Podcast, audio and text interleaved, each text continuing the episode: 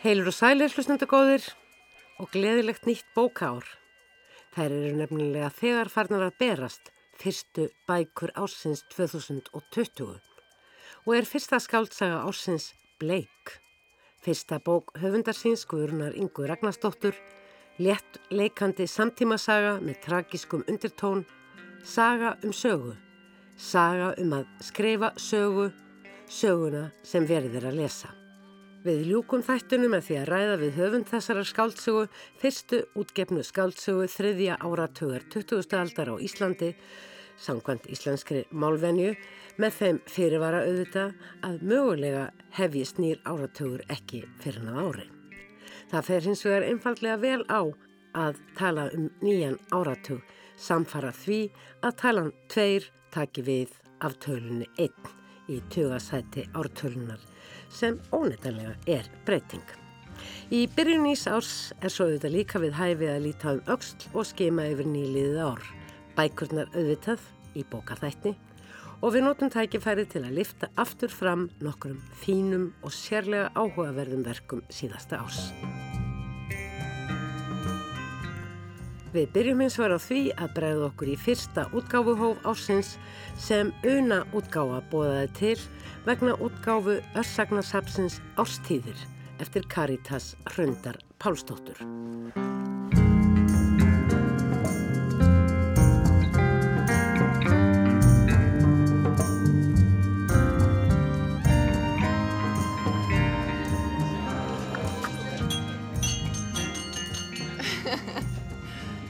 Verið hjartalega velkomin. Takk fyrir að berjast við kuldan og snjóin og kominga í kvöld til þess að fagna með mér útgáfu bókarinnar Árstíðir, sögur á einföldu máli.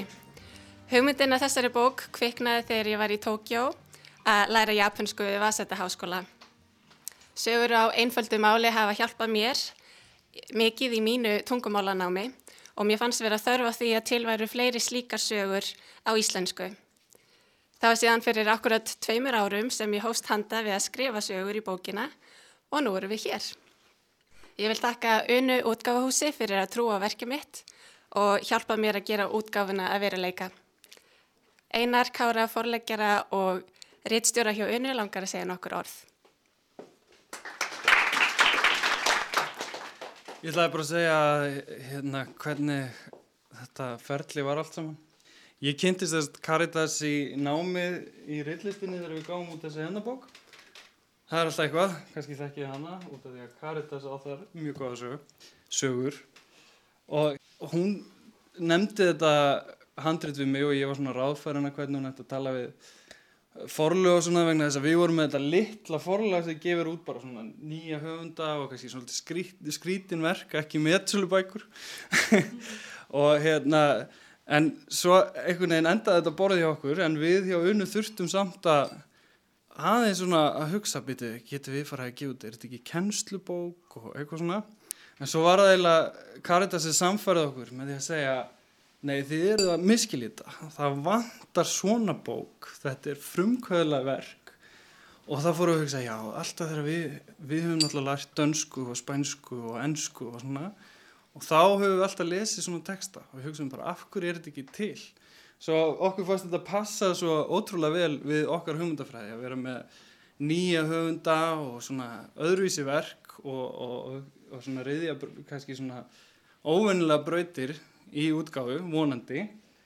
Og ég ætla líka að nefna hérna hönnuðina sem gerði þetta glæsilega bókverk Þau eru bæði stödd Erlendis, það eru Björn Lóki og Elsa Jóhannesdóttir og þau unnið þetta ótrúlega verk, þau gerði líka logoði fyrir unnu á sínum tíma, fyrir ári og þau gerði þetta bók alveg glæsilega vegna þess að það er líka annað markmið hjá okkur að reyna að gefa ungum hönnuðum tækifæri til að hanna þessa bækur. Svo ég vil bara þakka Caritas fyrir að treysta okkur líka og bara til hamingi aftur. Ég held að hún ætla að lesa núna þessu bókinu. Gjör svo vel. Ég ætla að lesa fyrir ykkur tvær sögur úr ástíðum sem ég finnst viðeigandi á þessu dimma janúarkvöldi. Fyrir sagan heitir Strætó. Næsta stopp er Hlemmur, tenging við aðrar leiðir, heyrist úr hátalarakjærfinu. Ég er þreytur, það er myrkur, ég horfi út um gluggan, ljósinn frá bílánum eru rauð og hvít, þau minna mig á jólinn. En nú er komin í janúar, skólinn byrjar aftur í dag. Næsta stopp er Barónstígur. Strætó stoppar og dyrnar opnast. Hér allar ykkur út, það kemur kallt loft inn. Barónstígur, endur tekur röttin. Ég hugsa um kólsvart kaffi. Það ríkur upp úr botlanum. Það fyrsta sem ég ætla að gera þegar ég kem upp í skóla er að kaupa mér kaffi. Næsta stopp er Bíóparadís. Það kemur smá þögn, svo heyrist röttin aftur. Mundu að taka alla persónulega muni þegar þú yfirgifur vagnin. Please remember to take all your personal belongings when you leave the bus. Ég loka augunum, kvíli með aðeins. Kanski get ég lagt mig í nokkra mínútur. Eftir nokkra sekundur heyri sagt, næsta stopp er þjóðuleikúsið. Ég prófa aftur að loka augunum, en eirun heyra. Næsta stopp er Lækjatorg. Óskum ykkur öllum gleðilegra jóla og farseldar á nýju ári, tenging við aðra leiðir. Ha? Ég opna augun og líti í kringum mig. Heyrðuðu þetta? Langa mig að spyrja. Engin segir neitt. Ég þegi. Gleðileg jól í januar. Ég brosi. Þegar við komum að ráðhúsinu segir röttin ekki neitt. Hvað gerist næst, hugsa ég og býð spendur þegar við komum að háskólanum en eins og ekkert hafi í skorist, heyrist, næsta stopp er Háskóli Íslands. Vagnin stoppar og röttin endur tekur Háskóli Íslands. Ég set skólatöskuna á bakið og geng út. Næsta saga heitir Annars hugar. Ég skýst út í búð eftir rjóma. Ég geng beint inn í mjölkukælinn, finn rjóman og fer að kassanum. Þeir eru fáir að býða, það eru fáir að býða eftir afgreyslu. Ég lít á klukkuna, hún er orðin átta. Þessi búð er opinn allan sólarringin. Afgreyslu-stúlkan lítur ekki upp þegar ég legg rjómafernuna á færibandið. Fernan færist hægt og rólega í áttinaðinni. Allt í einu lítur hún upp. Góðan daginn, röttin er vélræn. Hún tekur upp fernuna og leitar að streikamerkinu. Góð kvöldið, seg ég. Ha, Vast að segja eitthvað, spyr hún. Ég sagði bara góða kvöldið. Já, ok, segir hún annars hugar. Afgröðslu stúlkan ítir á takka og spyr mig síðan hvort ég vilji póka. Nei takk, segi ég. En ég ætla að fá hjá þér kvittun. Hvað sagður þau? Geti fengið kassakvittun, spyr ég. Ha, viltu miðan, spyr hún. Ég kinga kolli og brosi. Upphæðin er komin í posan. Ég tek upp kortið og borga. Afgröðslu stúlkan prentar út kvittunina og réttir mér. Eða góðan dag, segir hún. Ég horfi undrandi á hana. Ha? Vildur þú póka, spyr hún. Ég hristi höfiðið. Ó, segir hún. Njóttu kvöldsins, segi ég og hveðana. Ég geng eftir glukkalösum gangi að útidyra hurðinni. Fyrir utan er myrkur, en það er enga fréttir. Það er vetur. Rennu hurðin opnast og hleypur mér út í kuldan.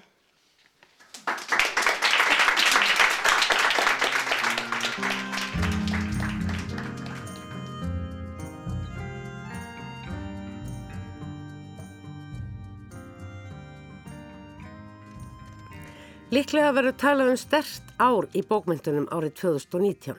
Mikil fjölbreytileiki, feikimarkar bækur og ljóðabókaútgáðan aldrei verið jafn mikil. Líka talsverð aukning bæði í barnabókum og ungminnabókum.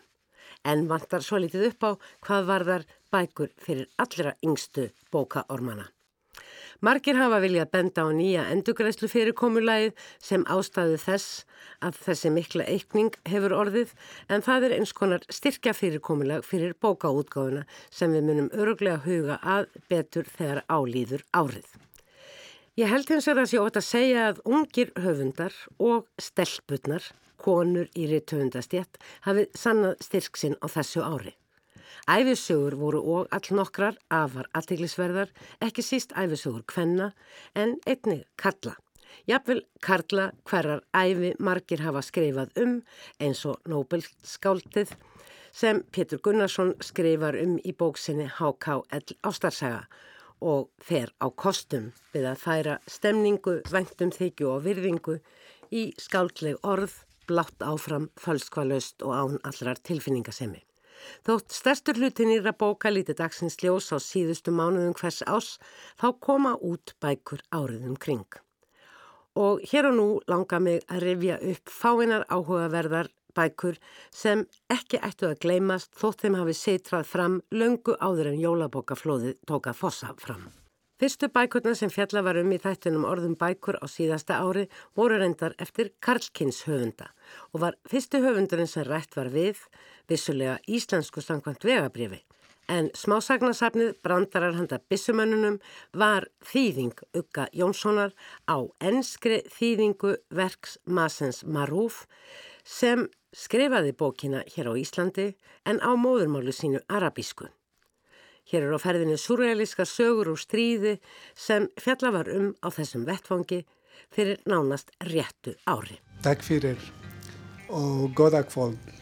Ég tala ekki mikið íslensku en um, ég, ég ætla að uh, tala smá orð um bókið mín uh, einsku. Uh, so afsagið. Good evening everybody. I actually am very pleased to present this book here in Icelandic. I wrote it in 2015 in Arabic in Reykjavik and it was published in Beirut in 2016. So for me Masen lísti hér á ennsku þakklæti sínu yfir því að smásagnasafnið Brandarar handa Bissumönnunum væri nú komið út á íslensku en safnið hefði ju verið skrifað hér á landi á hans eigin móðurmáli arabískunni og komið út á því tungumáli í Líbanon og nú ekki alls fyrir löngu einnig ennskri þýðingu í Breitlandi. Útgafa bókarinnar hér væri honum afar mikilvæg, sagði Masen, ennfremur og tákgræn og hann vonaði að þýðingin geti orðið til að ebla tengslinn millir hans sjálfs sem höfundar og íslensks bókmentalífs. Og þannig líka greiða götu útgáfu á fleiri bókum höfunda á Íslandi sem ekki skrifa á íslensku. Massan sagði að þessar sögur í bókinni Brandarar handa bissumennunum byggði á nokkuð nákvæmri reynslu hans sjálfs sem hann hafi reynd að breyta í skálskap líklega til þess að leika á þessa reynslu sem ekki hafi alltaf verið mjög skemmtileg. Cinema. It all happened on the fifth day after we took shelter in the cinema. The food had almost run out and we were reduced to eating yellow triangles of processed cheese. At one o'clock in the afternoon, Þetta gerðist allt á fymta degi eftir að við leituðum skjóls í bíónu. Maturinn hafi næstu því klárast og við neittust til að borða þrýhinda gula osta í litlum sérpakningum. Klukkan eitt eftir hádegi tók móði mín ostgeira út úr mallanum á bánsanum okkar og skipti honum í tvent.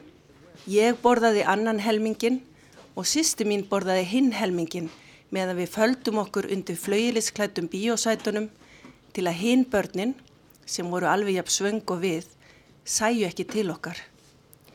Við sögðum ekki neinum að það veru sjö geirar af osti í mallanum og bánsanum. Klukkan áttam kvöldið tók móði minn annan geira af osti út úr mallanum og bánsanum og sýsti mín og ég borðuðum hann með sama hætti og þann fyrri og fórum svo að sofa.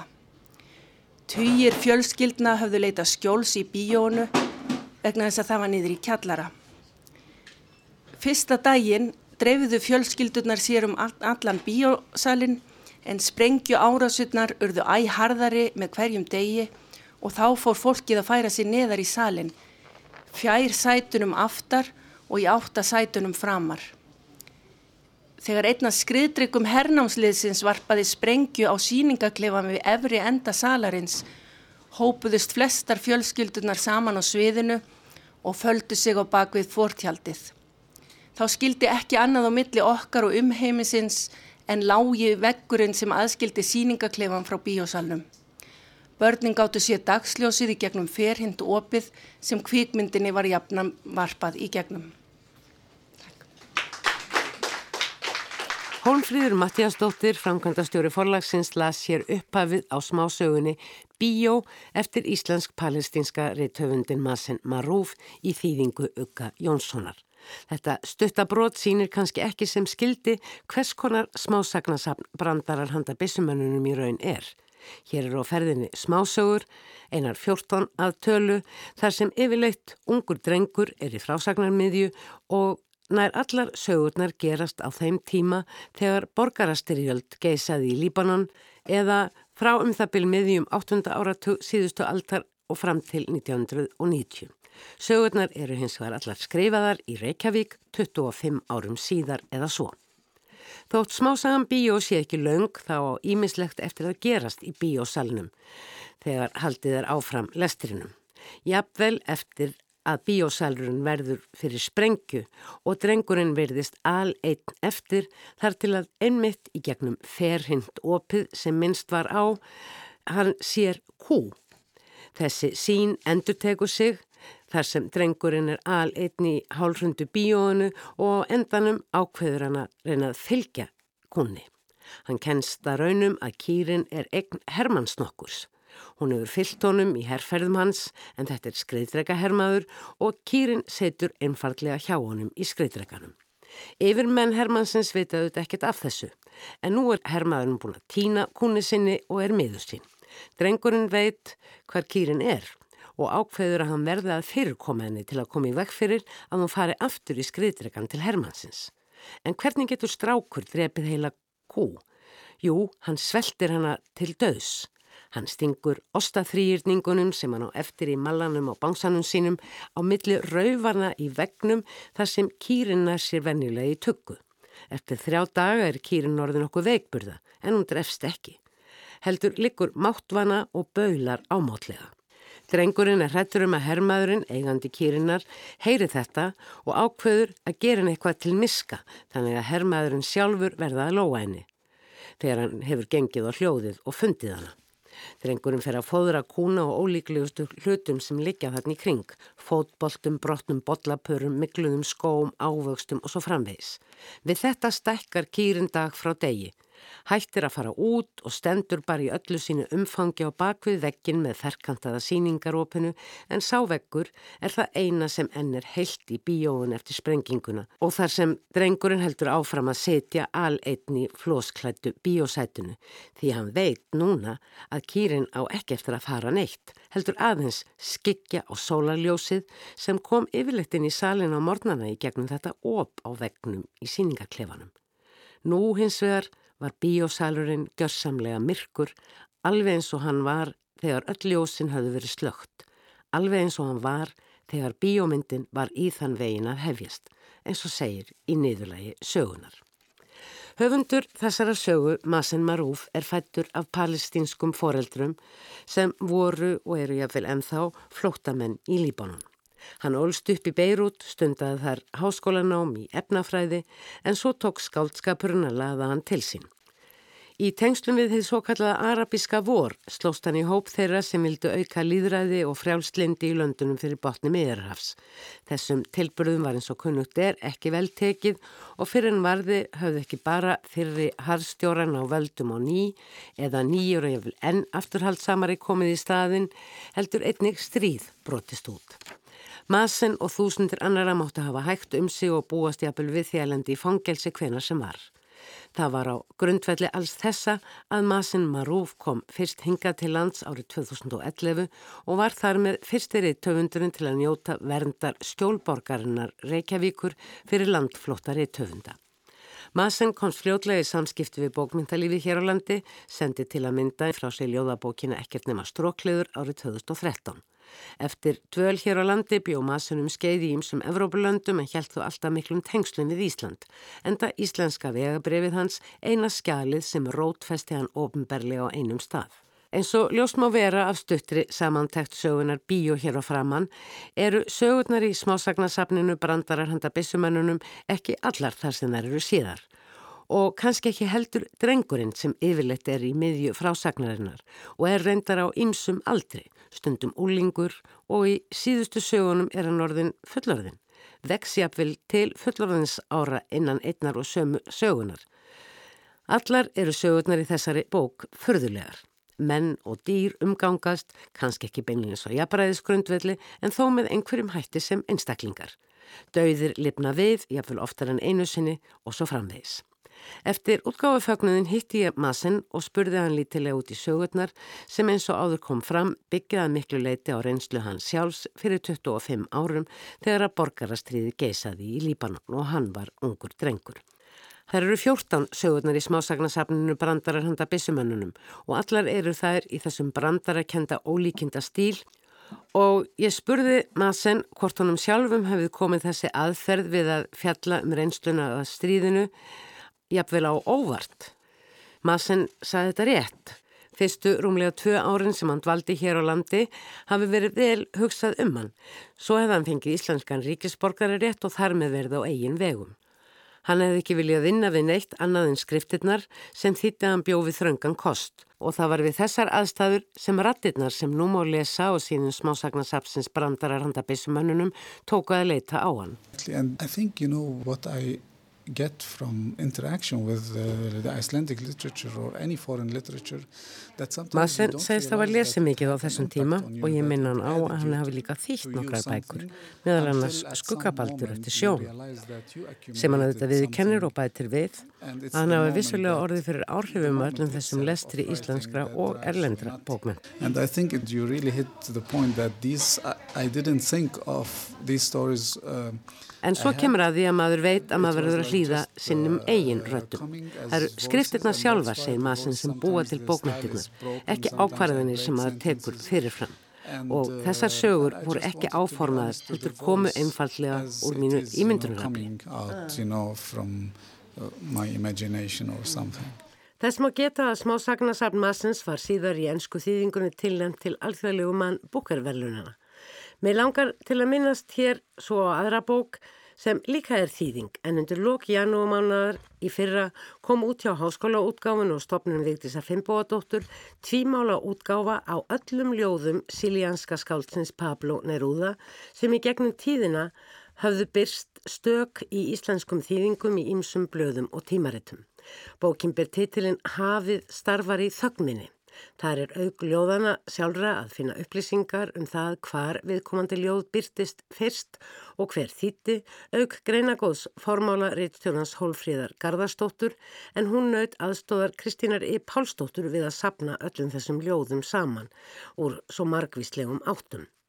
Áður hafðu með sama hætti verið sapnað saman þýðingum, ljóða og annara teksta, annars vegar eftir Federico García Lorca og hins vegar eftir Jorge Luis Borges.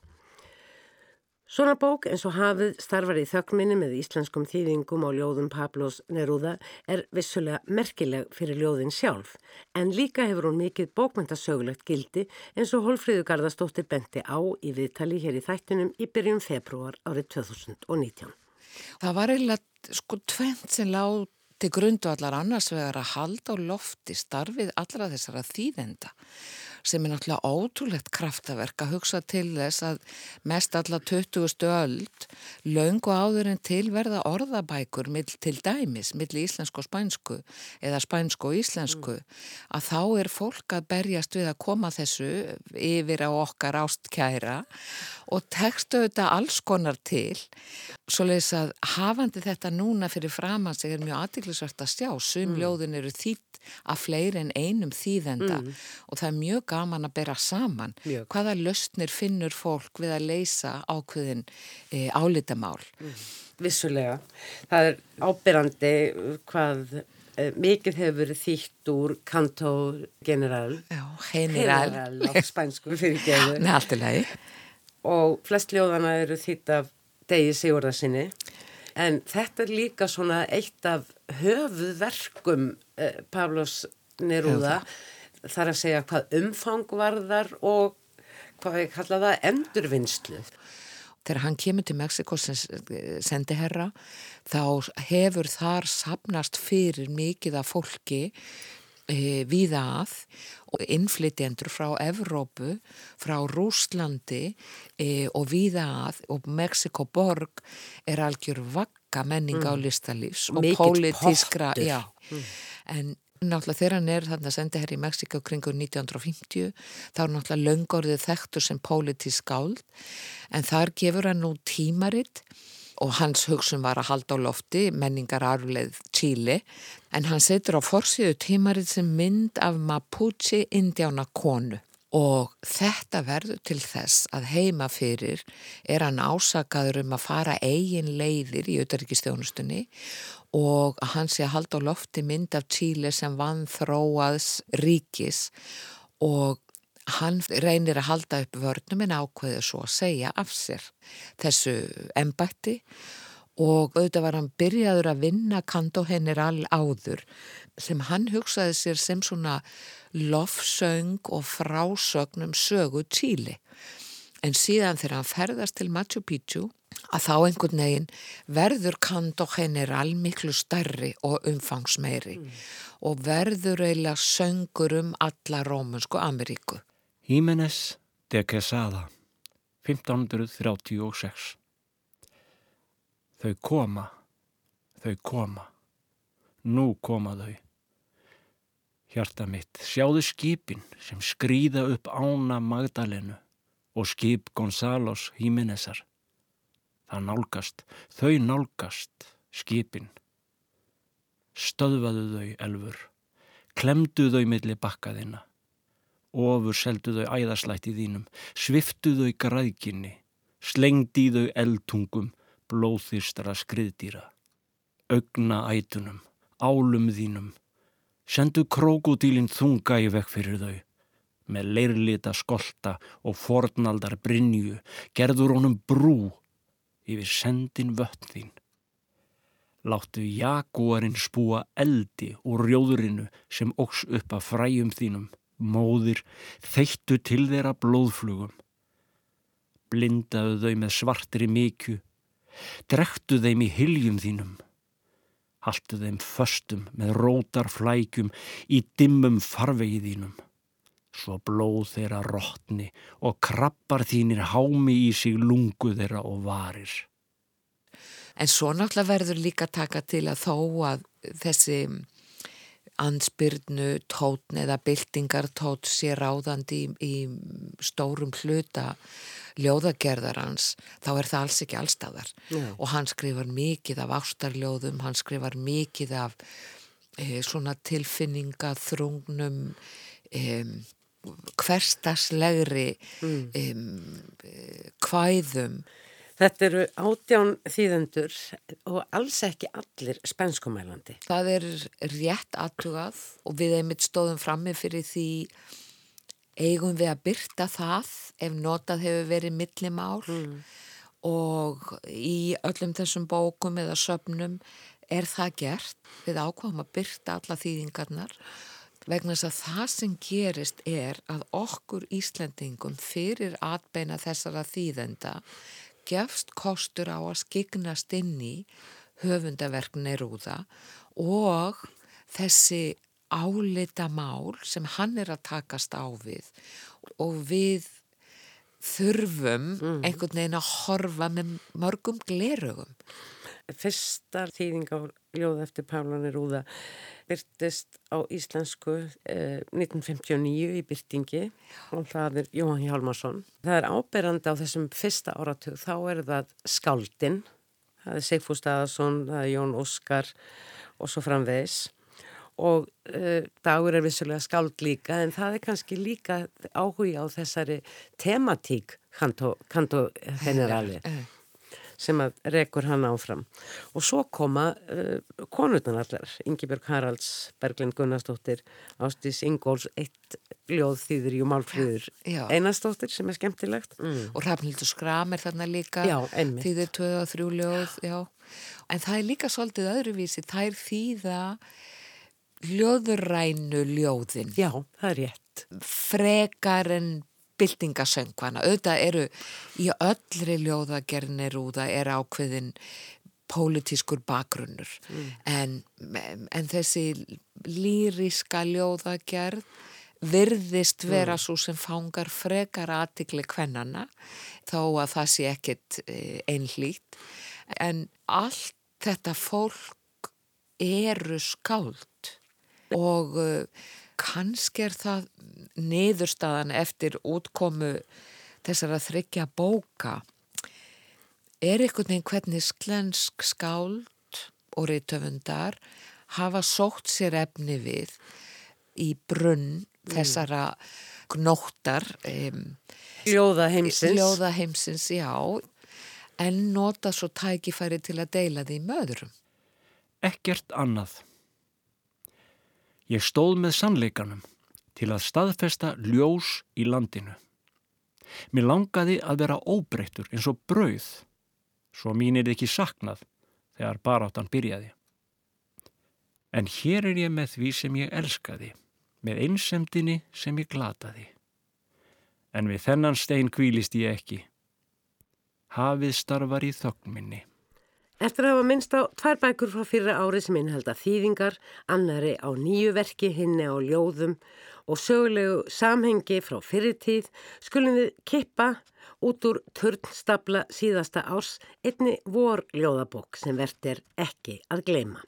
Undrarýmið eftir segulínu Bjarni Gísladóttur sem rætt var við hér í þættinum þegar vorið var rétt farið að skema eftir vettvangi hér í norðri. Halló, við erum hjartanlega velkomin hérna í Gröndalshús. Ég ætla að segja ykkur bara örstutt frá bókinni og lesa nokkur ljóð. Já, eins og þið vitið þá er þetta myndir sem ég tek og nota sem svona stökkfall inn í, inn í skálskapin og sem hérna, innblástur. Myndir frá, sem ég tók á heimasíðu bókasaps í Stokkólmi og mér fannst þar svo áhugaverðar þessar myndir að mér langaði að gera eitthvað við þær og vinna með þær. Þetta er svolítið óvinnilegt að, að hafa svona myndir og ég ætla að fá að lesa þá bara hérna nokkur ljóð. Hérna er eitt sem að heitir Selva og skúra. Í stormi verða froskar til þeir stökka fullmótaðir úr leðju. Á sólbökuðum steinum myndast sportrekar, í geimslurými skipa byrtast mís. Úr leðju mold rótnandi kjöti vaksa skordýr.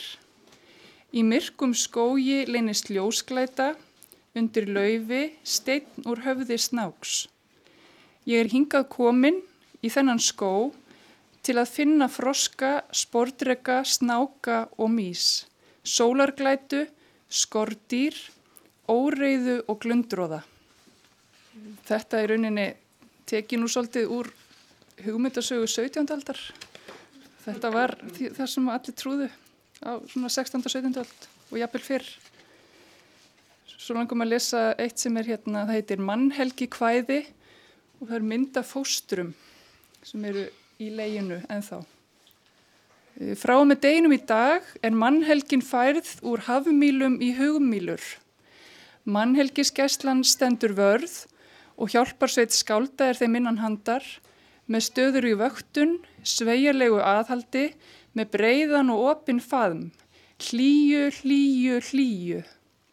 Stærð efnahugs lögsugunar er 500 hugumílur sem jafngildir 50 þingmannaleiðum og samsvarar bylunu frá miðjujarðar til miðjutunglsins. Allt þar fyrir utan er útaf en einnig þar má finna mannhelgi og vakstarhormón. Heilt ómæli stjúp af hlýju, hlýju, hlýju. Og svo að lokum nokkur orðum fegurðina og þá er hérna svona fallegt skrimsli.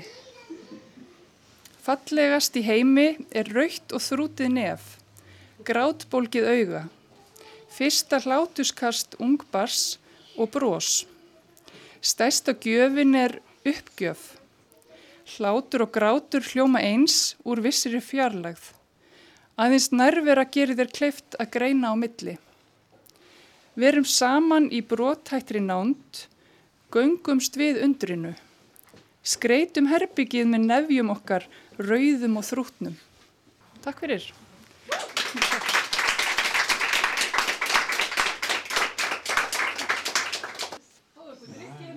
Sigurlín Bjarni Gísladóttir, höfundur ljóðabókarinnar Undrarýmið til hamingjum þessa bók sem er ekki bara falleg því að hún er náttúrulega svo ósegjanlega fallega myndskreitt heldur eru í henni líka svo mörg falleg og góð ljóð. Þú hefur sagt frá því að uh, það hefðu upphálega verið þessar myndir úr þessu safni. Já, það heitir Hagströmmir bókasafnið og er á vegum Karolínsku stofnunarinnar. Og ég held að séu um 40.000 bækur, þetta eru prentaða bækur, mm -hmm. gamlar, eh, flestar prentaðar fyrir 1860 og þetta eru bækur yfirleitt um eitthvað sem tengist læknisfræði, mannslíkamannum, líka náttúrufræði og svo það maður að smetla á hverja mynd til að fá meira upplýsingar og ég byrjaði bara á byrjunni byrjaði bara á fyrstu mynd og svo næstu mynd og bara eins og það er komu. Og var það ljóð til við hverja eða einhvert, einhver, einhvert upphaf? Já, og ég ætlaði að gera bara við allar myndirnar en svo eru þær, ég er ekki með tölu, þær eru rosalega margar. Er það hundruður eða þúsundur týjir? Allavega týjir, ég hef ekki talið og eru mjög fjölbreyttar. Svo kom að ég, ég fór meira svona veist að stoppa mig af í þessu og fór þá meira bara að velja innan úr og var þá að fletta og, og fara mm. fram og tilbaka. Mm. Þú hefur gætnan í bókun þínum uh, búið til einhvern uh, svona ramma. Ég spurði mig af hverju hún Sigurlín sem er svona frábært ljóðskátt og verðist eða svona gott með orðin að setja þetta í svona ramma spurningin er eiginlega sko þá getur maður ímynda mér ég mér að maður hafi meiri fjarlægð. Maður tengir ljóð oft sérstaklega ljóð ungs fólks við mjög persónlega tjáningu. En það er eins og þú hafi viljað búa þig til eitthvað svið. Já, mér finnst gaman að búa til eitthvað reglu eða eitthvað drama og skrifa inn í hann. Og það er örgloft mjög persónulegur, það er misjamt. Mm. Rammin er kannski ekki persónulegur en hann gefur þér kannski Já. tækifæri til að skoða um, þínar eigin kendir og, og, og, og persónulegt líf því að mörg ljóðana orka persónlega á mann þó þau séu ekki uh, einhvern veginn uh, einhver engamálarlega ef svo má orði komast. Já, ég, man ég upplýða rosalega stert til ég skrifaði nóvölu sem heitir Jærðvist. Þá er ég með menn sem eru fastir ofan í jörðinni jörðinni og, og það er rauninni rýmið sem ég hef er bara þetta svæði þar sem eru fastir ofan í jörðinni og ég upplifiði að þó þeir væri fastir aðna og þeir virðist svolítið þraungt þá er allt hægt það er allt hægt í skaldskapnum það er einhvern veginn bara allt undir sko. mm. og, og svona að nota, leika sér að þessum rýmum í rauninni mm. þröngarýmið og stórarímið Þröngarýmið, stórarímið, undrarýmið Já, undrarými bókmyndana er sannarlega fullt upp í rjáfur en eitt árið og nýtt ár rétt að hefjast og strax farða að raðast í hillurnar í undrarými bókmyndana. Við skulum samt ekki gleyma að ljóðabækur ásins 2019 voru vissulega snögtum fleiri. Engum og sérilægi skildum ekki gleyma öllum smá og höfundahópa útgáfunum þar sem leynast ímist gullin fræ sem trúlega er eftir að verða vænum trjám í formi bóka í framtíðinni.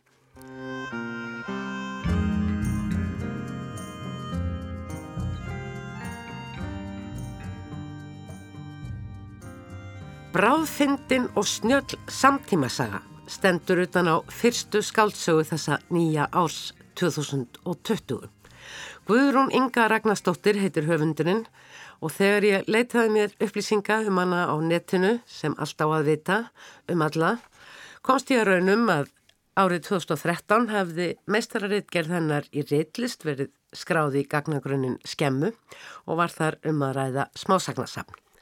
Áður hafði hún reyndar fjallað um jóð innskot í íslenskunni í bíarittgerð í fæinu íslenska sem sagt.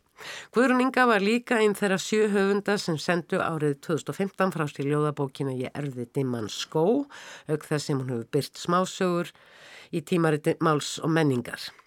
Þá afhjúpar alnetið alminnjúa að árið 2014 fekk Guðrún Inga nýrakta styrk íslenskrar bókmentamiðstöðar til þess einmitt að koma skáldsögunni Plan B í útgáfu Og hér er hún komin, plan B, vel á þriðja hundrað eða fjórða hundrað öllu heldur. Blað sína stór skáltsaga sem fjallar meðal annars um það að koma skáltsögunni plan B í útgáfu. Skáltsagan plan B er með öðrum orðum einhvers konar metafiksjón sem á íslensku hefur verið kallað sjálfsaga, saga sem að fjallar að miklu leiti um sjálfa sig og tilurð sína. Guðrun Inga er hinga komin velkomin og gleðilegt nýtt ár og til hamngu með þessa frumraun á sviði skáldsagna. Fyrsta spurning.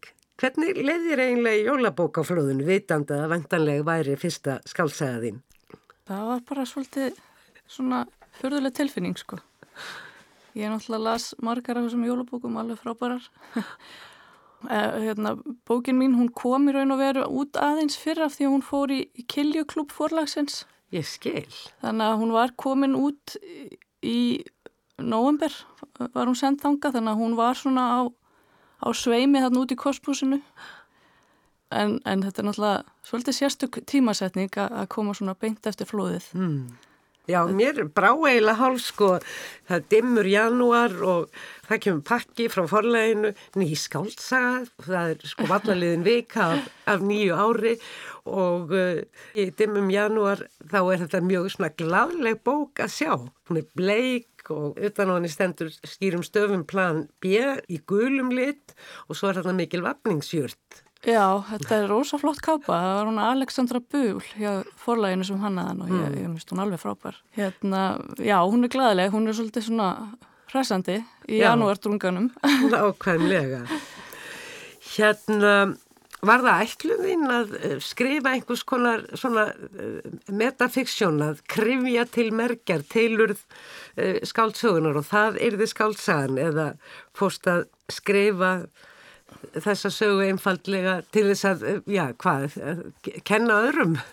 Nei, það var nú ekki ætlunum, sko.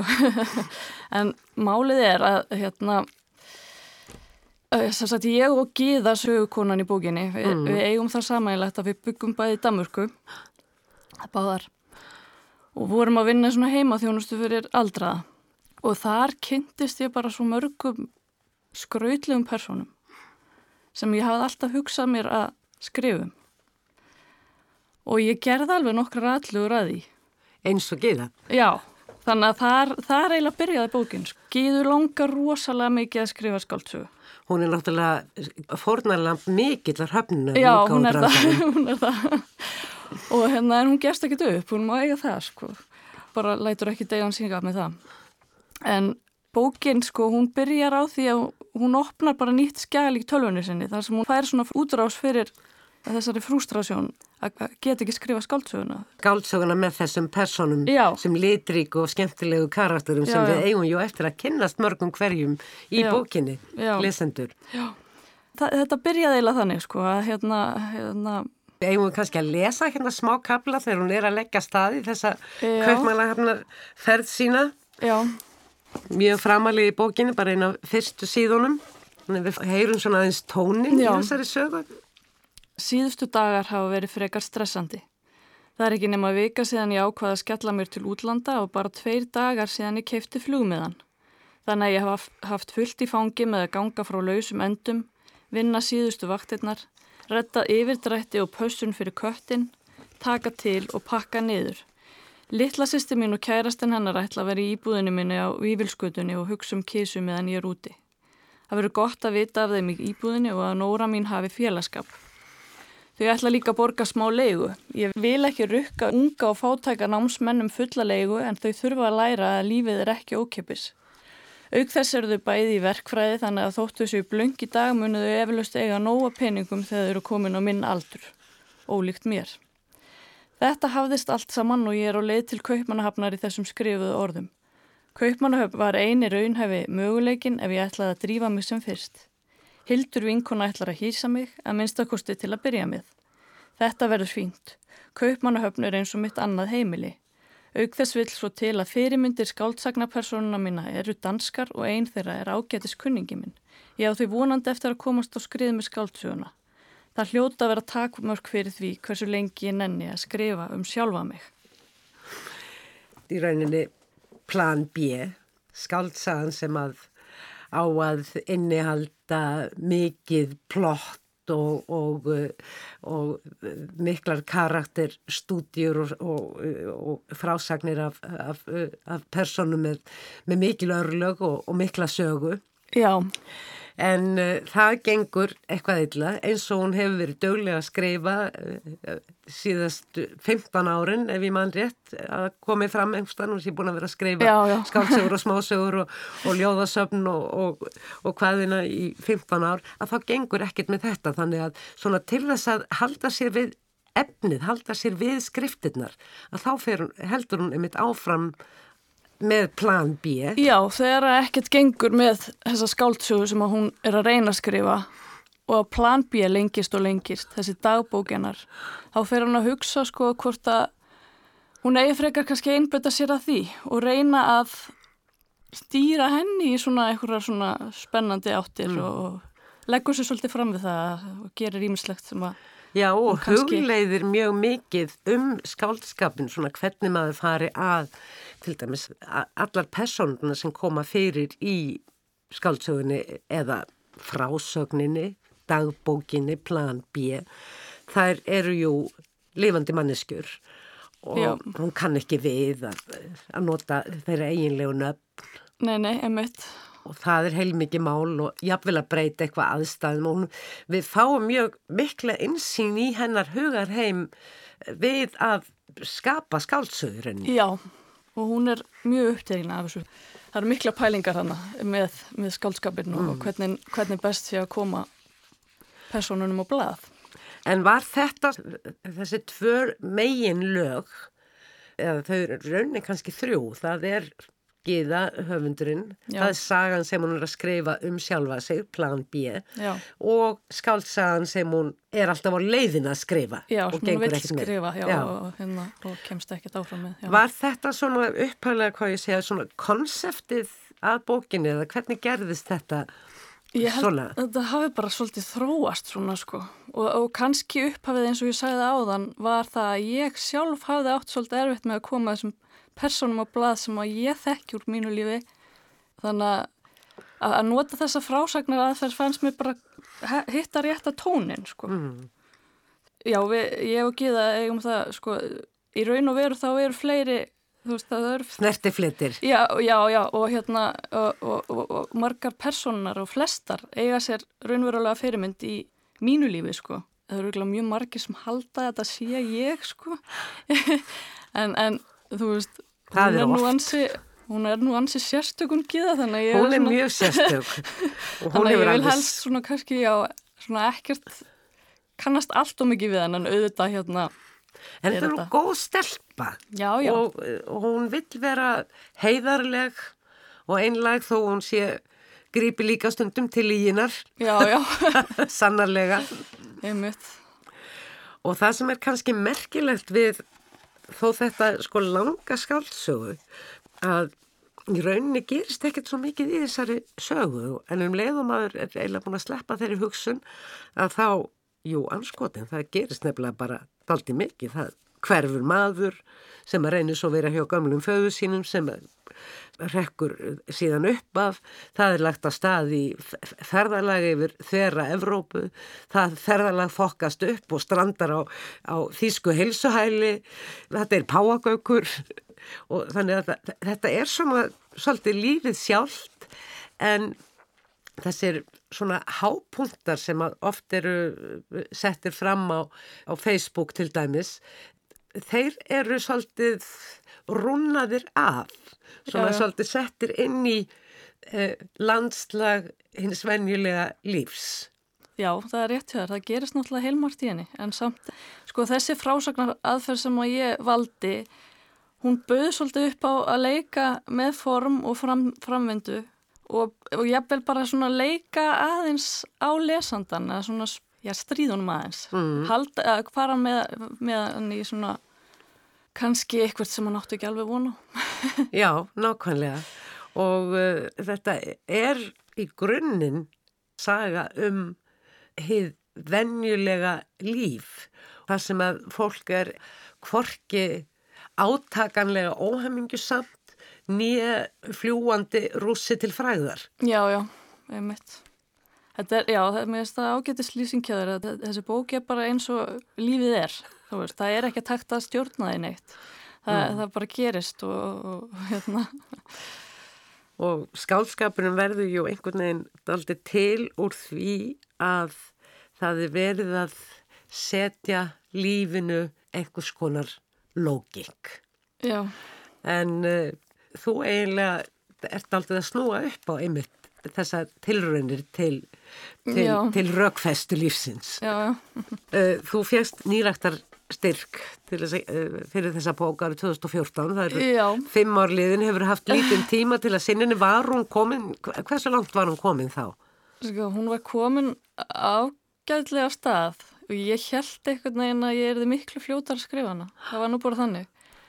Og svo koma náttúrulega bara svona tímabild þar sem maður hefur engan tíma til að skrifa Ég kiftið mér íbúð sem ég þurfti að gera upp og þá bara snerti ég ekki á henni í hálft ár til dæmis og hérna, þannig að ég tók þetta svolítið í skorpum og kannski gemtilegt að taka það fram að hún var miklu lengri og ég þurfti að styrta hana uh, svolítið mikið. Hérna, var það sásöka fullt? Nei, ég vissi alltaf að ég þurfti að styrta hana. Sko. Ég vissi að þetta var orðið allt og langt og, en, en hérna, það er svolítið erfitt að reytstýra sér þegar maður er komin í, í, í hérna, gang. Já gerða það svona eftir okkar. Og líka þessi stíl, hann uh, krefst náttúrulega ákveðins flæðist, hann má Já. ekki vera of knappur. Nei, nei, einmitt. Hmm.